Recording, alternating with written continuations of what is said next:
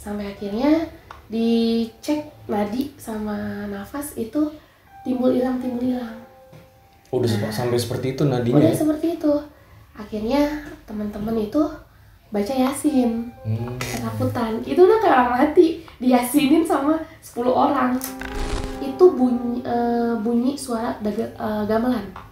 Ada suara gamelan juga ya? ting ting tung ting tung. Itu suaranya kenceng banget itu posisi kita udah di 1700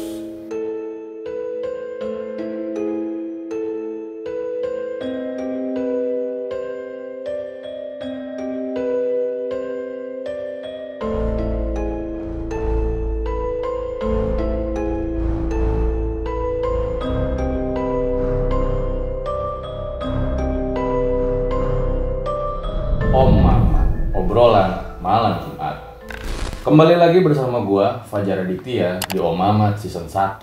Dan di episode kali ini bukan sebuah episode biasa karena kita kedatangan seorang narasumber yang mempunyai pengalaman yang mungkin saja sampai dengan saat ini tidak bisa dilupakan olehnya. Ketika mendaki Gunung Lawu via Cetok. Selamat malam Kak Firda. halo malam Pengalaman yang mungkin saja tidak bisa dilupakan sampai dengan saat ini. ya pendakian gunung lawu via cetok Tidak bisa dilupakan ya. nggak bisa banget Jadi buat kalian supaya tahu, cerita ini sempat masuk ke salah satu website pendaki gunung di Indonesia ya. ya Dan ketika membacanya cukup ya nanti didengarkan sendirilah cerita dari Kak Firda. Jadi kalau boleh diceritakan ke kawan-kawan ceritanya seperti apa Kak Firda? Eh, jadi waktu itu aku mendaki gunung itu kurang lebih 11 orang. Eh, dengan perempuan itu cuma tiga orang termasuk aku. Itu sebenarnya kalau nanjak gunung Lawu via Ceto itu nggak boleh ganjil. Tapi waktu itu eh, dengan segala pertimbangan karena kita eh, datangnya juga dari jauh-jauh ya, jadi nggak ada yang mau nih untuk dipisahkan. Jadinya ya udahlah mau nggak mau kita bersebelas awalnya kita memang nggak ada yang tahu kalau misalkan naik gunung Ceto itu nggak Hmm. boleh ganjil. Iya. Pada waktu sampai di base camp itu sekitar jam 3 itu kita istirahat sebentar, terus kita ke base eh, ke base campnya untuk pembayaran simaksi segala macamnya. Terus salah satu tim leader aku tuh di briefing, Eh, tapi aku tuh nggak tahu gitu kalau misalkan si tim leader ini di briefing gitu. Jadi yang lainnya tuh eh, so- eh, lagi sibuk foto-foto. Si siapa si tim Tim leader. leadernya ini di briefing sendiri gitu. Setelah selesai, si tim leader ini nggak eh, konfirmasi ke kita kita tentang briefingannya itu apa. Sekitar jam 4 itu kita mulai pendakian Empat Habis- sore. jam 4 sore. Habis eh, berdoa bersama, cuma dibilangin nggak boleh ngomong jorok, nggak boleh ngomong sembarangan. Terus ya udah kita jalan sampai di pos 1. Di pos 1 itu udah asar. Oh sudah asal. Ya, kita berhenti dulu. Kita berhenti dulu. Eh, pertimbangannya mau lanjut atau mau sholat asar dulu. Tapi anak-anak bilang "Eh, lanjut aja. Nanti kita sholat asarnya di, eh, dirapel sama sholat maghrib. Sebenarnya sih aku mikir, emang bisa ya gitu kan. Terus ya udahlah karena ngikutin anak-anak yang lain, Iya, iya. akhirnya kita eh, lanjut ke pos 2. Eh, sampai di pos 2 itu keadaan udah agak gelap. Nah, kita juga nggak ada yang tahu di situ ternyata ada sa- salah satu pohon besar yang udah di eh, apa sih namanya dikarungin ya, dikarungin apa diselimutin gitu sama eh, kain. Jadi ada dua. sama kain. Mm-mm. Ada dua pohon tuh sebelah sini sama sebelah sini gitu loh. Ini jalur. Itu yang satunya diselimutin sama kain Bali, yang satunya diselimutin sama kain putih. Kita nggak tahu itu kain putih itu kain apa. Nah, sebelah sebelah sininya itu ada kayak barak. Itu buat tempat eh, persinggahan anak-anak. Kalau istirahat atau melakukan apa gitu di situ. Nah, kita sebagian ada yang sholat di situ. Yang aku bingung gitu, ada yang sholat asar sama maghrib dicampur, ada yang sholat maghrib sama isya dicampur. Ya akhirnya aku hanya sholat maghrib aja di situ. Selesai sholat, anak-anak pada bilang "Eh, mau buang air kecil. Termasuk aku, kita bingung nih mau buang air kecil di mana ya. Akhirnya kata anak laki-laki, cuma buang air kecil di bagian belakang aja ba- uh, belakang barak belakang barat supaya anak laki-laki ini nggak kelihatan gitu. Akhirnya termasuk aku juga buang air kecil di belakang. Dan ternyata kalau misalkan mau ditelusuri itu sejajar sama pohon. Oh. Aliran itu sejajar sama pohon. Oh. Tapi kita sebenarnya nggak tahu menau pada malam itu. Dan banyak yang buang air kecil di situ Eh, perempuannya berdua. Aku termasuk sama aku sama teman aku. Yang lainnya laki-laki buang air kecil juga di situ. Hmm. selesai dari situ kita jalan.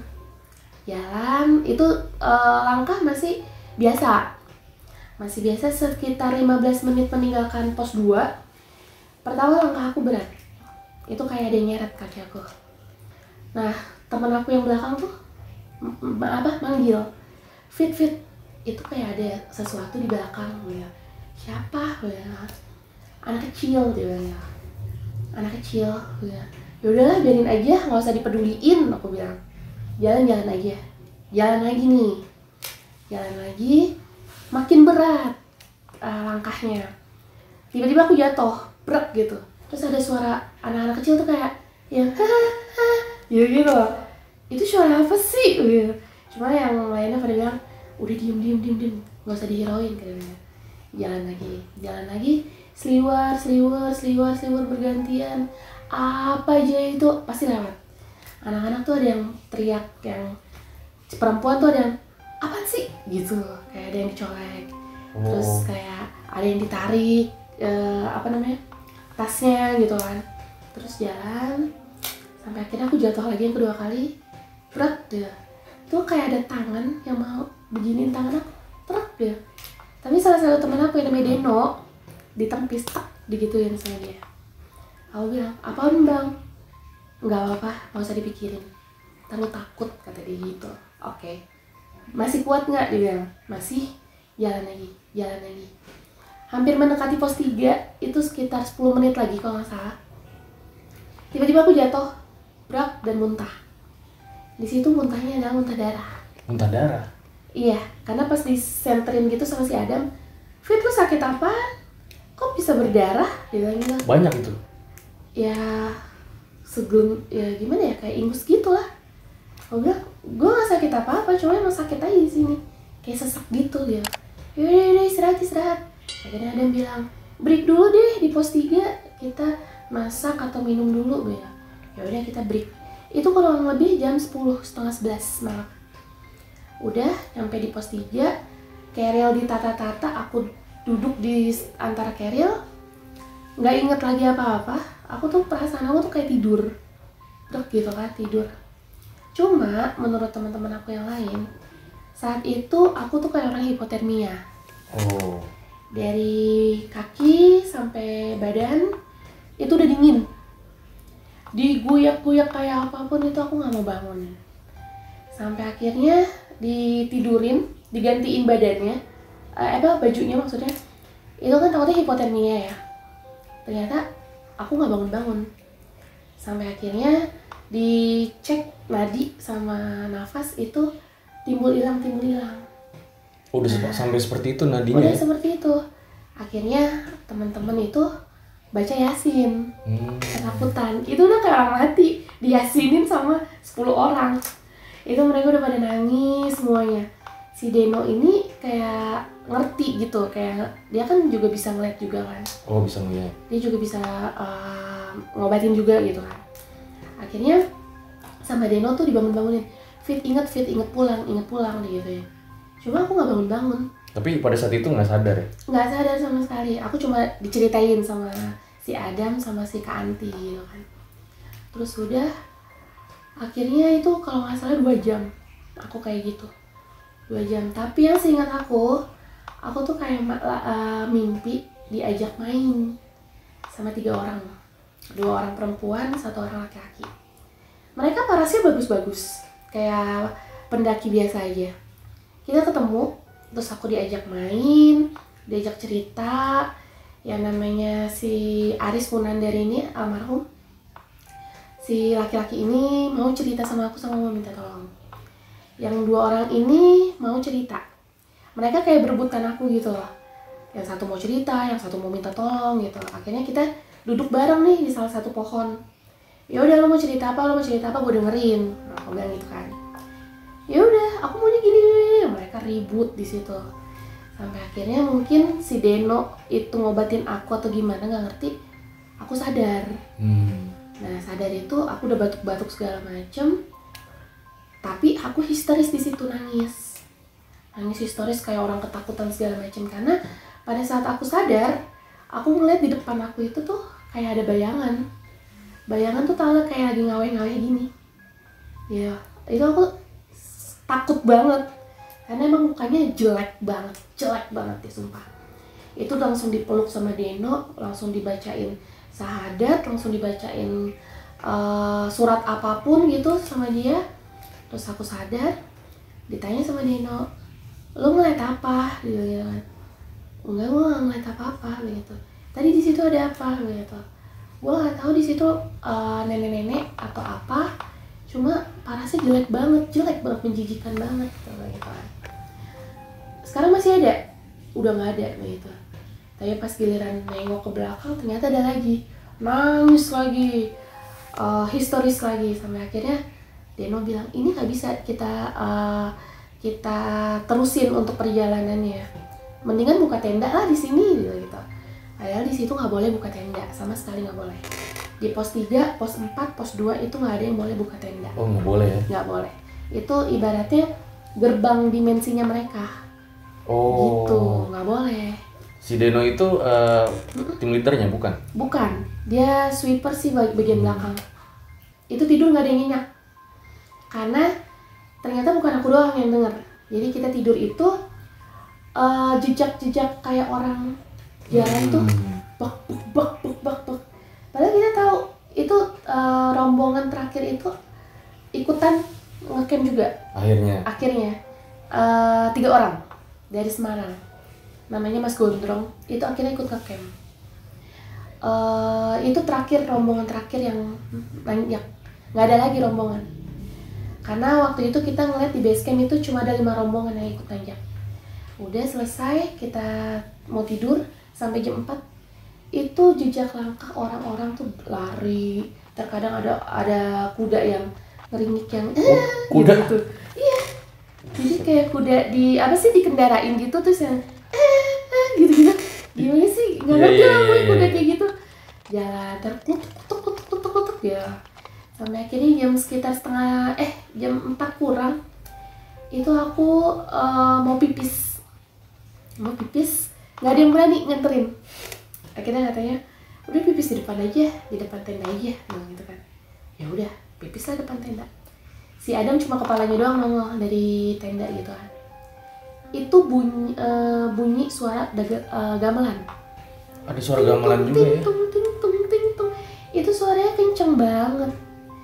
Itu posisi kita udah di 1700 seharusnya di mana kita udah jauh banget sama Iya, iya. rumah penduduk kan itu suaranya kenceng banget bener-bener kayak orang hajatan gimana sih? Tangting tangting tangting tangting. Ditanya sama Adam lo denger? Denger. Ya udah. Tapi dah di belakang banyak penganten. Penganten apaan sih fit? kata Adam. Nggak ada nggak ada penganten. Ih, itu di belakang ada penganten. Dia lagi jalan ke sini. Mampus udah cepetan. Masuk masuk masuk. Ya udah akhirnya masuk ke tenda bro itu bener-bener suara kayak pengantin lagi di arak itu lewat tenda kita bro. Lu sempet lihat mbak pengantinnya? sempet. Jadi eh, posisinya ini kan begini. Ini agak agak datar gitu kan. Ini pengantin ini lagi nanjak ini. Jadi kelihatan kayak kepala seginilah. Itu tuh lagi di kayak lagi diarak gitu. Itu suaranya kedengeran. Semua pada denger. Akhirnya semuanya nggak ada yang bisa tidur. Sampai jam 5 pagi pas subuh akhirnya yang tadinya kita rencananya jam 5 pagi mau uh, lanjut tepar semua akhirnya baru bangun itu setengah 10 udah selesai uh, packing segala macam lanjutin perjalanan. Itu dari pos 3 ke pos 4 treknya lumayan. Nanjaknya lumayan batu-batuannya lumayan ngerangkaknya juga lumayan. Sampai akhirnya uh, tanjakan terakhir mau sampai pos 4 itu tanjakannya lumayan sekitar 80 derajat batu-batuan. Dan kalau kita mau nyampe ke posisi landainya itu harus pegangan sama pohon. Nah ketika eh, aku mau pegangan pohon truk pas dangak begini itu ada tiga orang yang di mimpi aku. Mukanya segini tapi dengan keadaan posisi kebakar. Itu aku kaget lepas dari pegangan karena kagetnya itu jatuh prak prak prak. Yang ngelim yang apa nadangin itu si Adam. Diginin sama Adam eh, badannya set supaya nggak jatuh terus. Dibangunin kenapa? Nggak gua gua nggak mau untuk melanjutin naik ke atas. Kenapa? Gua takut gitu. Ada yang jagain di depan. Apa ada yang jagain? Anak-anak pada gitu kan. Nggak nggak itu tiga orang itu. Ya, aku tuh ngeliat dari bawah tuh tiga orang itu cuma gitu kan. Ayo sini sini sini. Cuma gitu. Doang nggak nggak nggak nggak mau. Itu aku lari dikejar sama Adam. Akhirnya dari semu dari 11 orang itu yang ngalah untuk nggak ikut ke atas itu Adam. Yang lainnya tetap naik ke atas dengan sembilan orang itu. Janji lagi. Aku- Itu jam berapa mbak kalau boleh tahu? itu sekitar jam 11 siang. Oh jam 11 siang. 11 siang hampir mau zuhur juga sih nanti lu kalau misalnya ngelewatin pos 2 jangan biarin si Vida sendirian. Kalau Vida lari lu kejar. Dia gitu kan. Turunlah berdua tuh. Sampai di pos 2 memang benar ternyata si pohon itu ada. Dililit eh, kain bali satunya dililit sama kain kafan. Oh ternyata kain putihnya kain kafan ya? kayaknya sih kain kafan karena potongannya kayak kain kafan.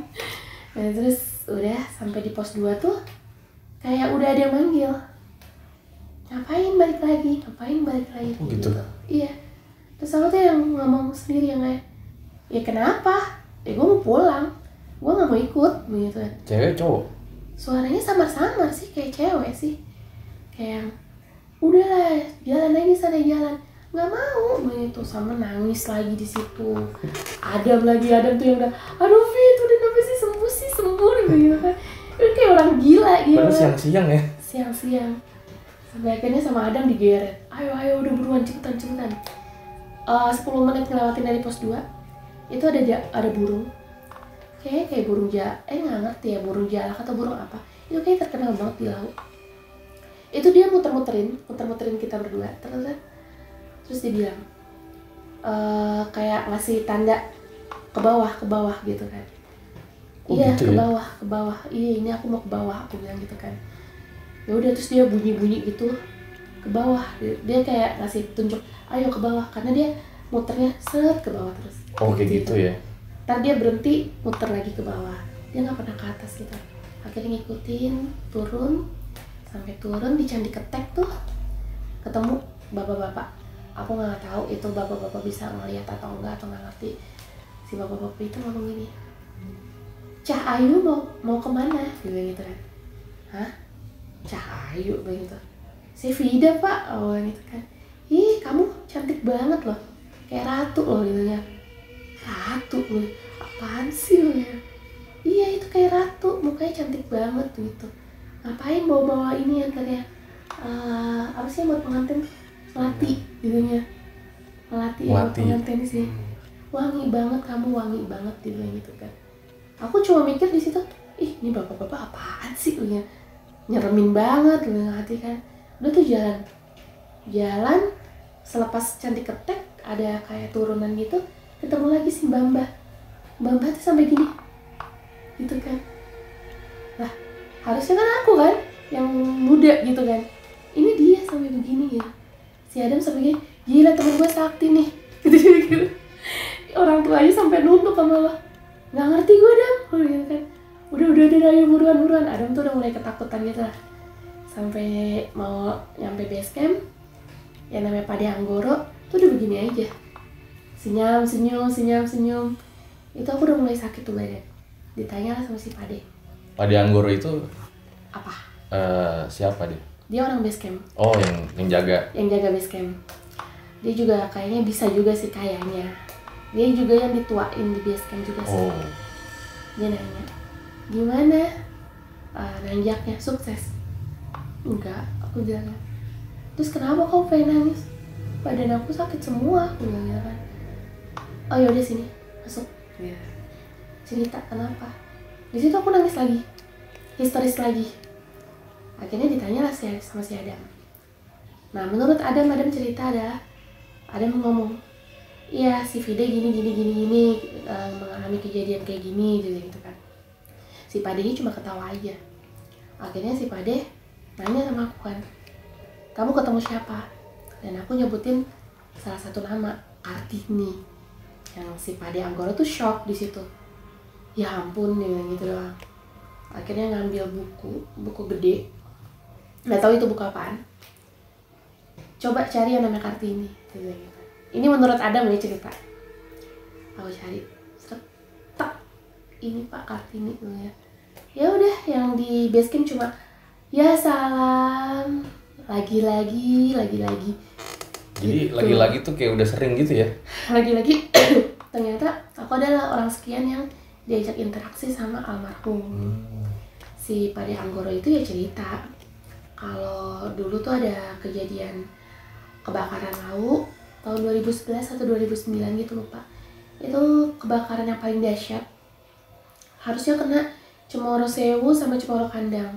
Tapi apinya sedikitnya kena Candi Cetok yaitu di pos 4 yang pas aku mau naik itu. Nah itu kena 9 orang. Pendaki itu langsung ke Panggang. Meninggal semua. Termasuk si Kartini termasuk si Aris Munandar itu. Yang tadinya aku nggak ngerti sama sekali si Kartini ini siapa Aris Munandar ini siapa aku nggak ngerti sama sekali. Cuma diceritain segala macam akhirnya si pada Anggoro ini tahu mungkin aku bisa ngeliat atau gimana dipancing-pancing. Dipancing di sini ada apa di sini ada apa akhirnya aku cerita semuanya. Sampai aku bilang di pasar Dieng itu di pos 5 itu ada kayak harimau besar.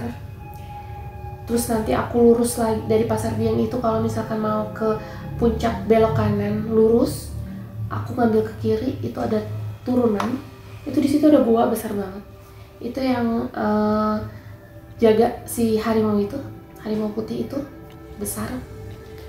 Itu dibenarkan sama si Pade Anggoro terus aku bilang di uh, pasar Dieng ada segala macam bentuknya ini ini. Itu dibenarkan juga. Terus dia ada hargo hargo dumilah aku bilang ada orang yang pernah bunuh diri ini itu pernah dibenarkan juga sama si Pade. Jadi Kak Firda bisa melihat ya, ada yang pernah bunuh diri iya, di situ. Jadi tuh di situ tuh pada saat si Pade Angkoro itu mancing, itu kayak penglihatan aku tuh kayak kebuka semua gitu. Jadi dengan gamblang tuh aku cerita oh. semuanya. Ada ini, ada ini, ada ini. Padahal pas daki nggak lihat. sampai sana. Belum oh, sampai, sampai sana. sana. Dipancingnya keluar tuh. Keluar. Wah, semuanya keluar. Sampai akhirnya dipancing juga di dekat base camp jadi di dekat base camp itu tuh dulu bekas ada bekas uh, dapur dapur umum. Itu dikasih tahu juga di di situ ada apa? Aku bilang ada nenek-nenek suka masak suka makan singkong di situ. Sekarang nenek-neneknya ke mana? Ditanya sama si Pade Anggoro. Aku bilang kayaknya udah nggak ada deh aku bilang gitu kan. Nenek-neneknya siapa? Namanya siapa? Aku bilang Bude Sumiati ini. Nih dan itu dibenarkan. Sampai namanya tahu ya? Iya nggak tahu itu sadar gak sih? aja. ngomong gitu sadar gak sih? Nggak ngerti aku. Kayak kayak nggak sadar gitu tapi sih. emang sebelumnya punya kemampuan kali? Kalau buat ngelihat kayak gitu sih aku bisa sih memang. Memang indigo ya? Nggak tahu namanya oh. apa tapi aku memang bisa sih.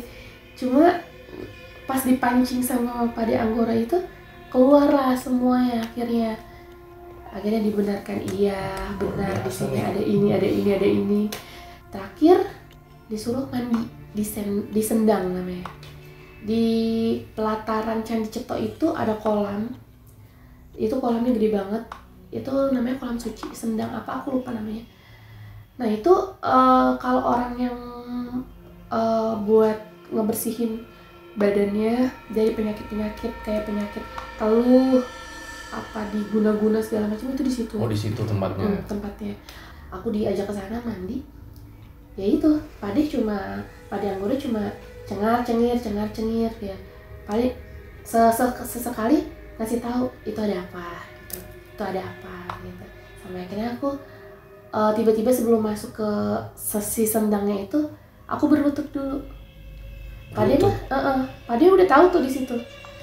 Si Adam mah yang nggak tahu, lu ngapain? ngapain? gitu ya kan. Udah cepetan ikutan berlutut. Karena yang aku lihat adalah di tengah-tengah kolam itu ada kayak pohon gede banget aku nggak tahu itu pohon apa. Eh, daunnya jarang-jarang tapi eh, rantingnya tuh gede-gede banget. Itu dililit lagi sama kain bali. Ternyata di situ ada ada yang nunggu kayak ratu gitu eh, badannya ular.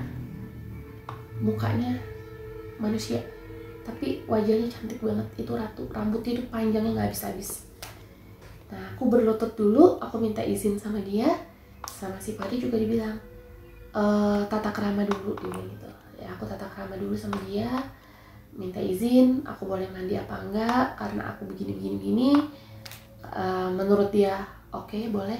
Aku masuk.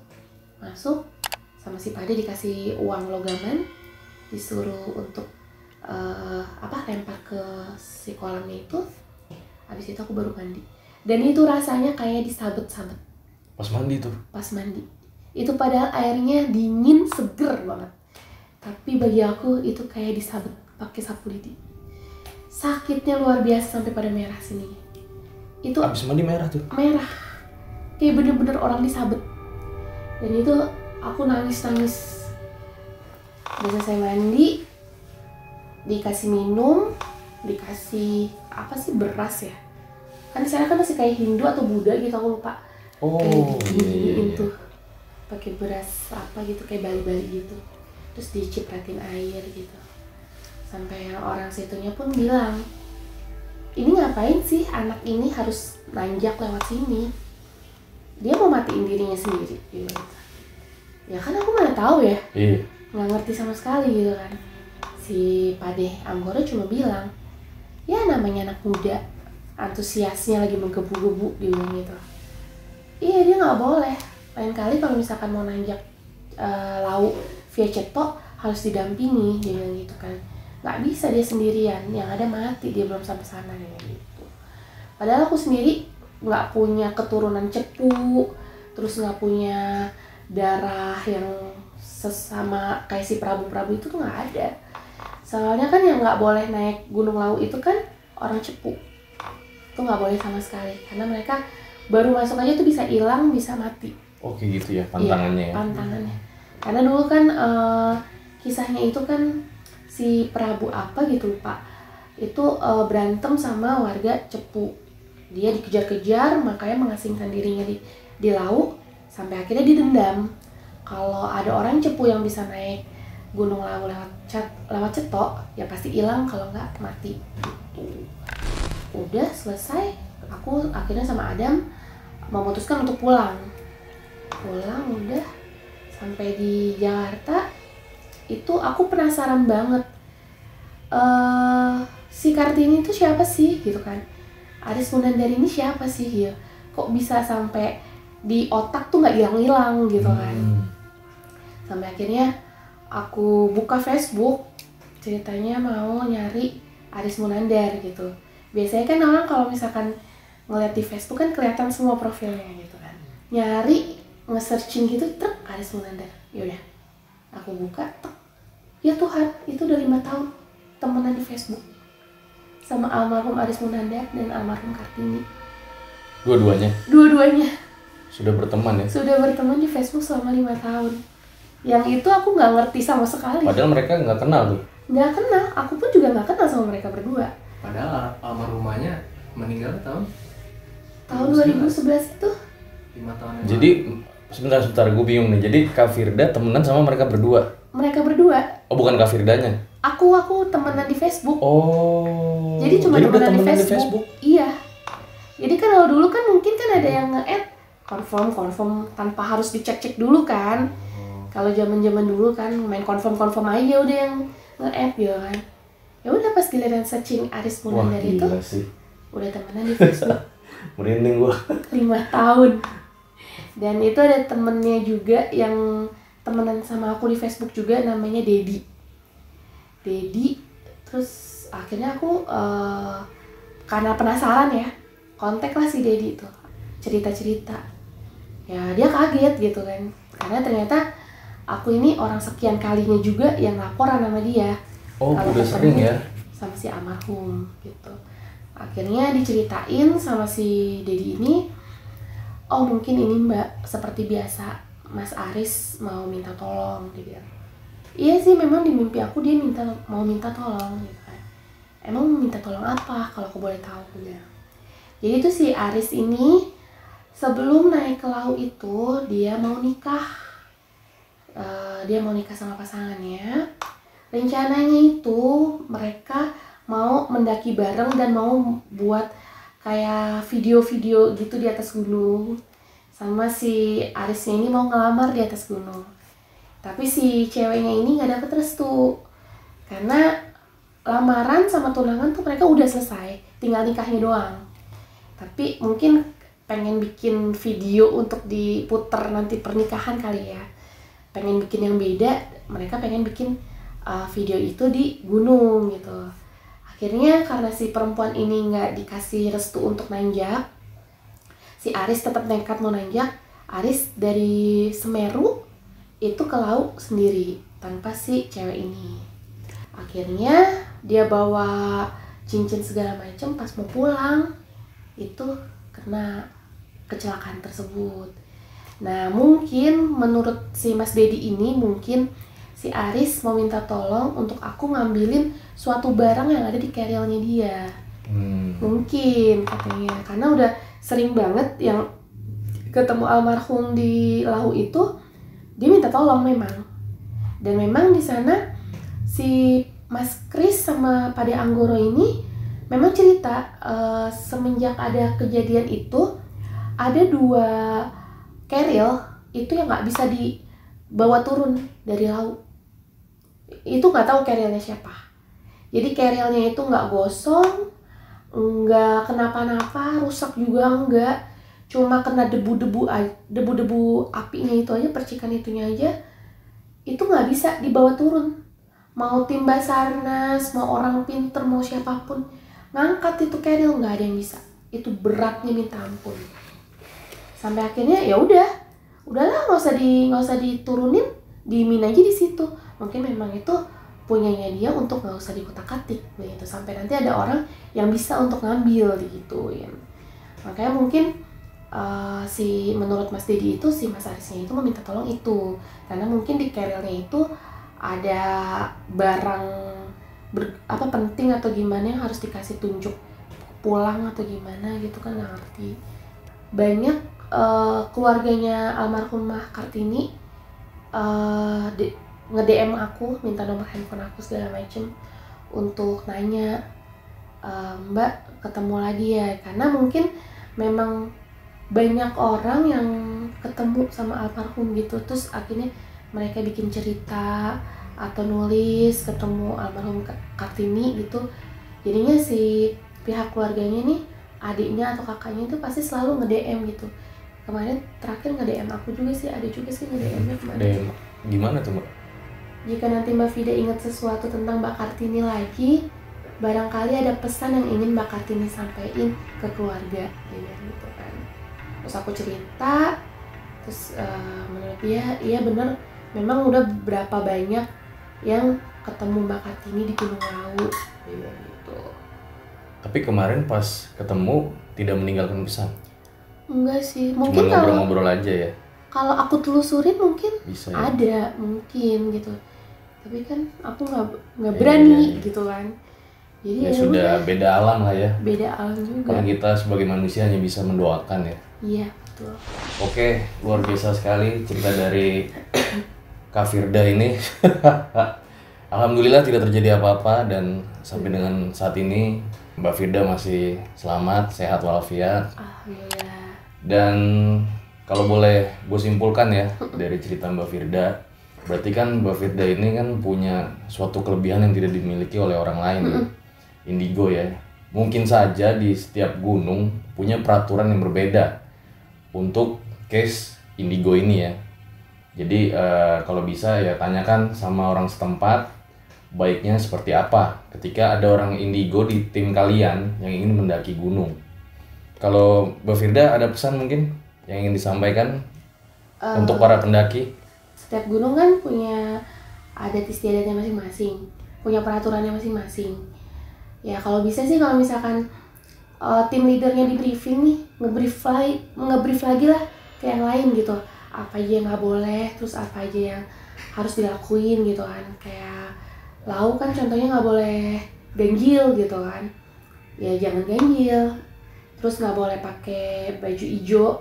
Setahu aku nggak boleh pakai baju ijo.